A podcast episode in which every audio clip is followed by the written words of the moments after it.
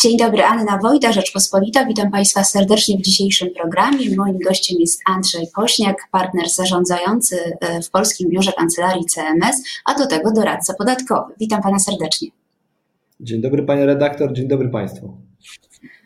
Na początek chciałam Pana zapytać, czy trudno zarządzać dużą kancelarią w czasie pandemii? Mm, dobre pytanie. E, byłoby nonszalancją powiedzieć, że łatwo. E, dlatego, że zarządzanie dużymi organizacjami, nie tylko e, jeżeli chodzi o kancelarię, nie jest rzeczą prostą. Natomiast z drugiej strony też nie do końca prawdą byłoby, gdybym powiedział, że trudno, dlatego że trudno jest wtedy, kiedy działa się w niesprzyjającym środowisku, kiedy w takiej kancelarii e, na poziomie zarządczym współpracuje się z osobami, które mają różne wartości, różne wizje, e, często sprzeczne i, i nie, są, nie, nie, są chętne do współpracy. E, w CMS-ie jest wprost odwrotnie. Współpracujemy bardzo ściśle i jakby mamy wspólną wizję, chociaż to nie znaczy, że się nie ścieramy, ale mamy wspólną, wspólną wizję, jesteśmy w stanie dojść do porozumienia, co powoduje, że na, tym, na tej płaszczyźnie to zarządzanie jest łatwiejsze. Ja bym powiedział tak, generalnie nie jest łatwo zarządzać dużymi organizacjami, e, a w pandemii tym bardziej, tym bardziej, że stąpamy po bardzo takim gruncie nieznanym i niezbadanym. E, ale to nie jest jakaś taka dramatyczna zmiana względem tego, e, co miało miejsce przed pandemią. Czyli koronawirus y, nie zmienił bardzo y, organizacji pracy w kancelarii? Nie wiem, widuje Pan na przykład wszystkich prawników y, na żywo, czy, czy raczej podczas takich zdalnych spotkań? E, w zależności jakby patrzeć, z, jakby, z której perspektywy patrzeć na, na to zagadnienie. Z punktu widzenia zapewne świadczonych usług i, i klientów mam nadzieję, że te zmiany nie są jakoś widoczne e, za bardzo albo w ogóle może nie są widoczne. E, w szczególności, że też proszę zauważyć, my wszyscy, czyli cały rynek i, i doradcy i, e, i klienci przeszliśmy na pewien nowy rodzaj e, funkcjonowania i działania i to dotyczy nas wszystkich, a nie tylko jednej strony. Natomiast z punktu widzenia organizacji wewnętrznej no, zmieniło się praktycznie wszystko. To znaczy jest, to zmieniło się więcej niż, niż nawet się spodziewałem, że, że mogłoby się zmienić. E, widujemy się, natomiast to, to biuro jest cały czas otwarte i tam każdy może przyjść, natomiast ze względów e, bezpieczeństwa to kto przychodzi, ile osób jest w biurze, e, jak się, jak, jak, w jaki sposób się kontaktujemy, jest, jest, jest ograniczone, jest w jakiś sposób uregulowane wewnętrznie, co powoduje, że widzimy się, widzimy się wszyscy, przy czym częściowo e, fizycznie w biurze, a jedynie, a, a pozostałe części e, wirtualnie, tak jak, tak jak chociażby teraz my się widzimy. To nie ułatwia funkcjonowania, ale nie jest też jakoś taką przeszkodą, która by była nie do przejścia i do której nie dałoby się dostosować. Powiedział Pan, że nie spodziewał się, mm, że aż tak dużo może się zmienić w organizacji pracy. Ja myślę, że wiele osób się nie spodziewało, wielu pracodawców się nie spodziewało, że na przykład da się tak pracować. No, wiele firm funkcjonuje. Myśli Pan, że ta praca zdalna stanie się już takim stałym elementem, jak już minie pandemia? Mm, to jest, to jest bardzo złożone zagadnienie. Ja jestem zdania, że y, praca zdalna na pewno już tak trafiła pod strzechy. To znaczy to, co, czego doświadczyliśmy, to już z nami pozostanie. I plusy pracy zdalnej na pewno będą wykorzystywane e, i będziemy z tego, e, będziemy z tego korzystać. Natomiast nie wyobrażam sobie za bardzo sytuacji, w której kancelarie będą w stanie przejść wyłącznie na pracę zdalną. To jest, powiedziałem, że to jest zagadnienie złożone, dlatego że należy je rozpatrywać na różnych płaszczyznach. E, na płaszczyźnie kontaktów z, z klientami to nie zawsze będzie możliwe, a można powiedzieć, że długofalowo pewnie w większości przypadków nie będzie to możliwe, żeby ograniczyć się jedynie do pracy zdalnej. E, jest to, to jest to aspekt czysto ludzki, jest to aspekt zaufania, jest to aspekt relacyjny. E, jest również płaszczyzna szkolenia nowych, e, młodych prawników. E, I to, co, to, co jest, to, to, co powoduje, że wzrastamy i nabieramy doświadczenia, to nie zagłębianie się w mailach czy, czy w dokumentach jedynie, ale również interakcja. Interakcja ze starszymi kolegami, koleżankami, nauka w praktyce. I ta nauka w praktyce w sytuacji takich relacji tylko zdalnych jest utrudniona albo czasami niemożliwa. I to jest drugi aspekt. Trzeci aspekt to jest taki, że prawnicy Y, wzrastają, czy w ramach swojej e, ścieżki zawodowej, wtedy, kiedy e, budują swój biznes, budują swoją bazę klientów, relacji, budują swoje zaufanie na rynku, image na rynku. E, to wszystko jest jak najbardziej naturalne w takich relacjach bezpośrednich, kiedy możemy przekonać do siebie drugą stronę, możemy przekonać nie tylko klientów, ale również współpracowników. Natomiast to jest bardzo nienaturalne bardzo trudne w e, pracy zdalnej. I to są jakby takie trzy główne płaszczyzny. Myślę, że można tutaj sporą broszurę na ten temat napisać, albo nawet jakąś e, mniejszą książkę na temat, e, w jaki sposób to niekoniecznie zadziała w organizacjach takich jak, jak kancelarie prawne czy, czy firmy doradcze, E, I z tego względu raczej spodziewam się, że w większości przypadków wrócimy do biura i to tak gremialnie, jeżeli tylko to będzie możliwe. I nie tylko dlatego, że ktoś tak uzna, że to jest słuszna droga, ale dlatego, że indywidualni prawnicy, pracownicy będą e, postrzegali to jako, jako e, wartość dodaną, ale absolutnie nie zrezygnujemy z bardzo wielu tych aspektów, który, których już się nauczyliśmy, jeżeli chodzi o pracę zdalną to porozmawiajmy teraz o pieniądzach. E, jestem ciekawa, jak koronawirus przełożył się na kondycję kancelarii. Czy zauważa Pan, że spraw jest tyle samo, czy na przykład jest ich więcej, bo klienci mają w związku z pandemią więcej problemów?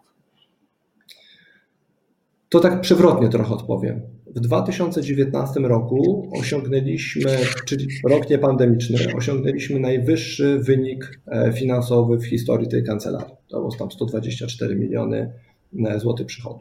E, w roku 2000, i to, to był wzrost 17% względem poprzedniego roku, absolutnie rekordowy. W roku 2020, no dopiero się zakończył, więc trudno to jakoś tak e, kategorycznie się wypowiadać, natomiast tak bardzo szacunkowo do tego e, podchodzić i ostrożnie ten wzrost względem tego rekordowego 2019 roku jest na poziomie około 10%. I, I, y, proszę zauważyć, mówimy o roku w pełni, no, od marca, ale można powiedzieć w pełni pandemicznym, 2020. Czyli z tej perspektywy moglibyśmy powiedzieć, e, nie, jest super, w ogóle nic się dzieje, nie ma pandemii, w ogóle nie wiem o, czym, o czym inni mówią, jeżeli chodzi o, o kryzys. Ale to nie jest prawda. To, to by było nadużycie, e, takie stwierdzenie. Jest prawdą, że, że udało nam się e, wspólnym wysiłkiem i wspólnym staraniem osiągnąć najprawdopodobniej lepszy wynik niż ten rekordowy w 2019, ale i tak y, wpływ pandemii, tego kryzysu na rynek był ogromny. Y, I to, co, co, mm, co pandemia spowodowała, i to spowolnienie, i to ograniczenie, ograniczenia, wszelakie ograniczenia, które się na rynku pojawiły, zarówno w biznesie, jak i w funkcjonowaniu organizacji takich jak, jak kancelaria, niewątpliwie ten potencjał ograniczyły.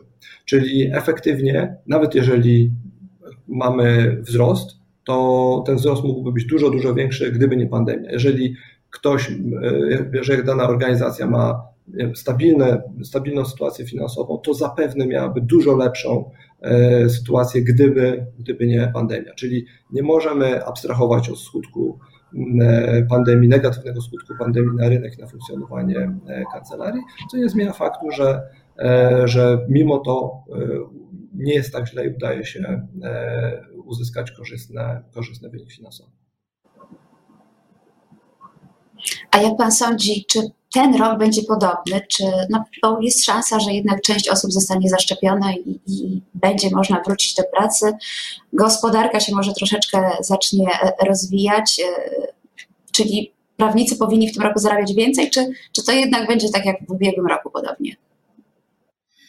Mm, kancelarie, e, prawnica, kancelarie to jakby też, też jest jakby to rozróżnienie zarobki kancelarii, zarobki e, prawników. Natomiast e, kancelarie mam nadzieję, głęboką nadzieję, ale przecież bardzo ostrożnie, z dużą pokorą do, podchodząc do tego, co przyniesie przyszłość, chociażby dlatego, że to, co wspomniałem na początku, stąpamy po bardzo niezbadanym gruncie i tak jak kryzysy mamy mniej więcej przećwiczone, w przeszłości, tak, tego rodzaju, takie czyste finansowe, tak, tego rodzaju kryzysów pandemicznych e, niekoniecznie. W związku z tym e, do końca nie wiadomo, co przyszłość może przynieść. Natomiast ja jestem ostrożnym, ale jednak mimo wszystko optymistą i głęboko wierzę w to, że rynek E, w tym roku będzie dla nas wszystkich, ale nie tylko rynku e, kancelaryjnego, nie tylko rynku doradczego, ale generalnie dla, dla, dla wszystkich e, w, w Polsce ten rynek będzie bardziej przyjazny i będzie mm, bardziej stabilny, a przede wszystkim będzie wzrastał i będzie się odbudowywał po, po tym kryzysie, który, który wciąż trwa i pewnie jeszcze trochę potrwa. Tylko to jest tak samo jak kryzys się zaczyna, jest to pewnego rodzaju proces przyspieszony, ale proces. Tak teraz ten proces wychodzenia z tego kryzysu dzięki szczepionkom, dzięki tym, że oswajamy na, na swój sposób e, wirusa i no, przystosowujemy się do niego. To, to jest też bardzo e, ważne, że zmieniają się okoliczności, ale my do tych e, okoliczności staramy się wszyscy dostosować, że ten, dzięki temu ten rynek będzie dla nas wszystkich względniejszy. No mam nadzieję, że tak się stanie. Chciałam z Panem jeszcze teraz porozmawiać o podatkach, bo jest Pan nie tylko partnerem zarządzającym, ale także doradcą podatkowym, to z długoletnim doświadczeniem, a od tego roku mamy sporo zmian podatkowych.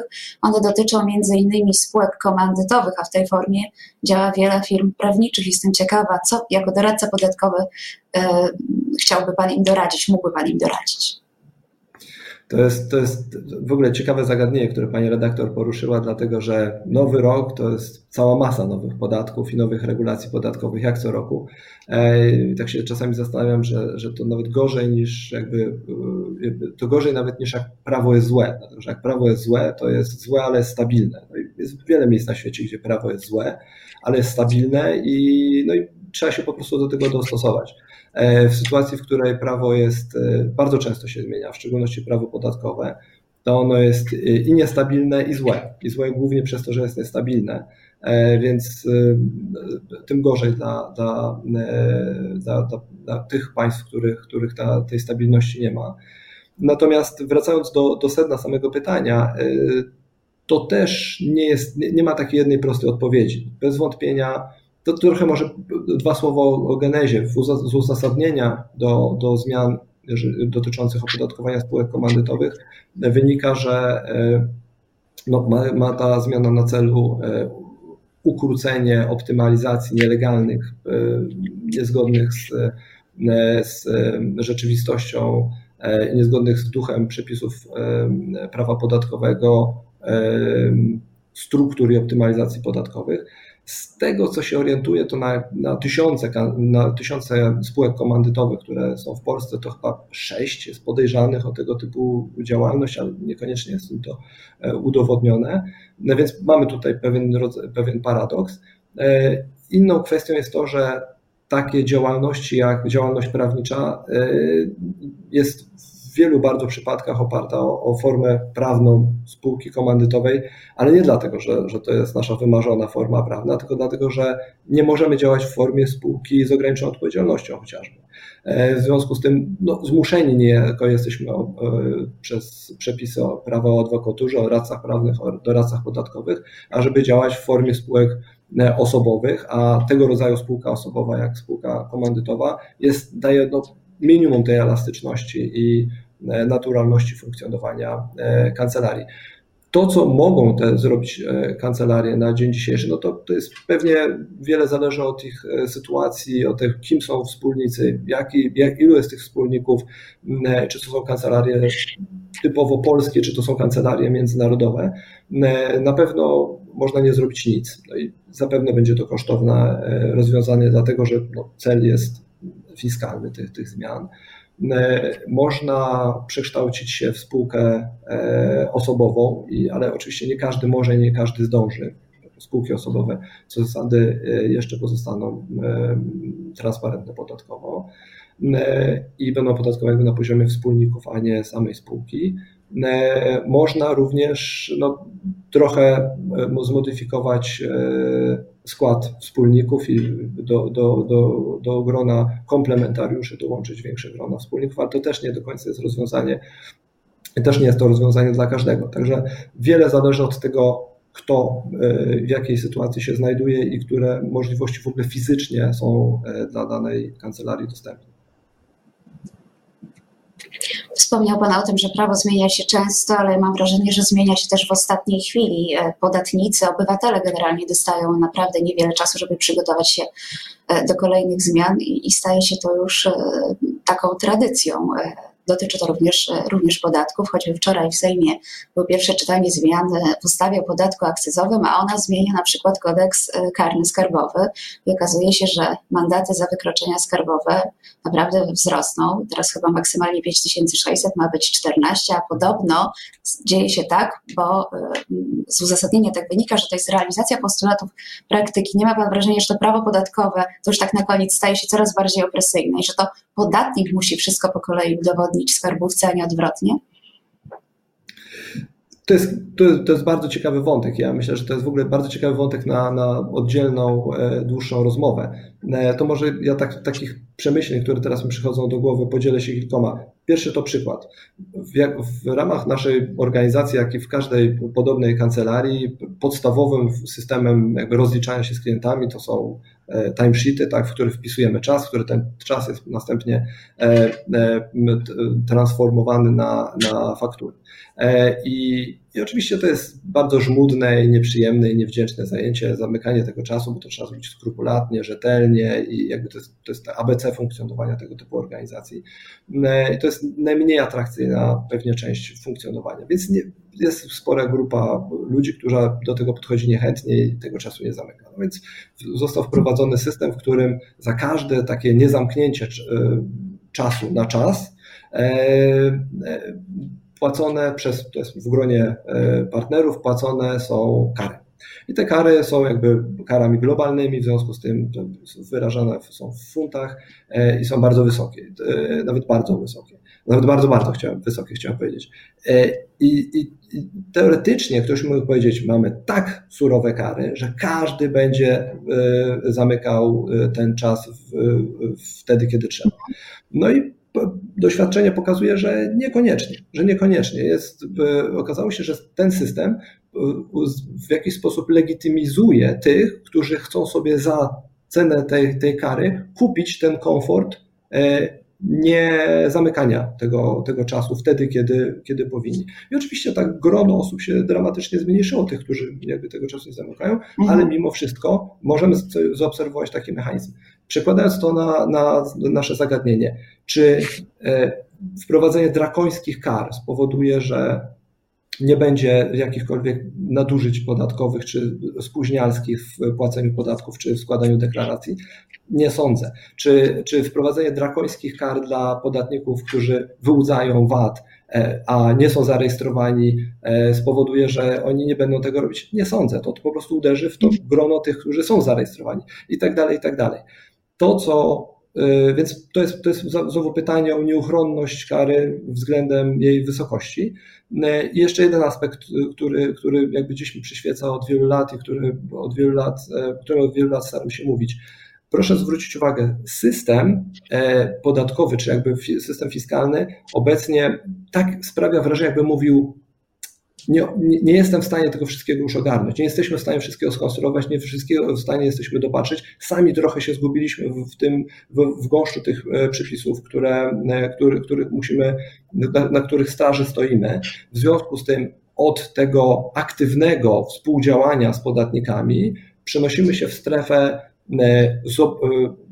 przerzucania tej odpowiedzialności na, na podatnika, tak jak pani redaktor powiedziała, pod względem udowadniania, ale również, o, proszę zobaczyć, w bardzo wielu przypadkach to podatnicy, członkowie zarządu, członkowie zarządu muszą się oświadczyć, że coś było zgodnie z przepisami.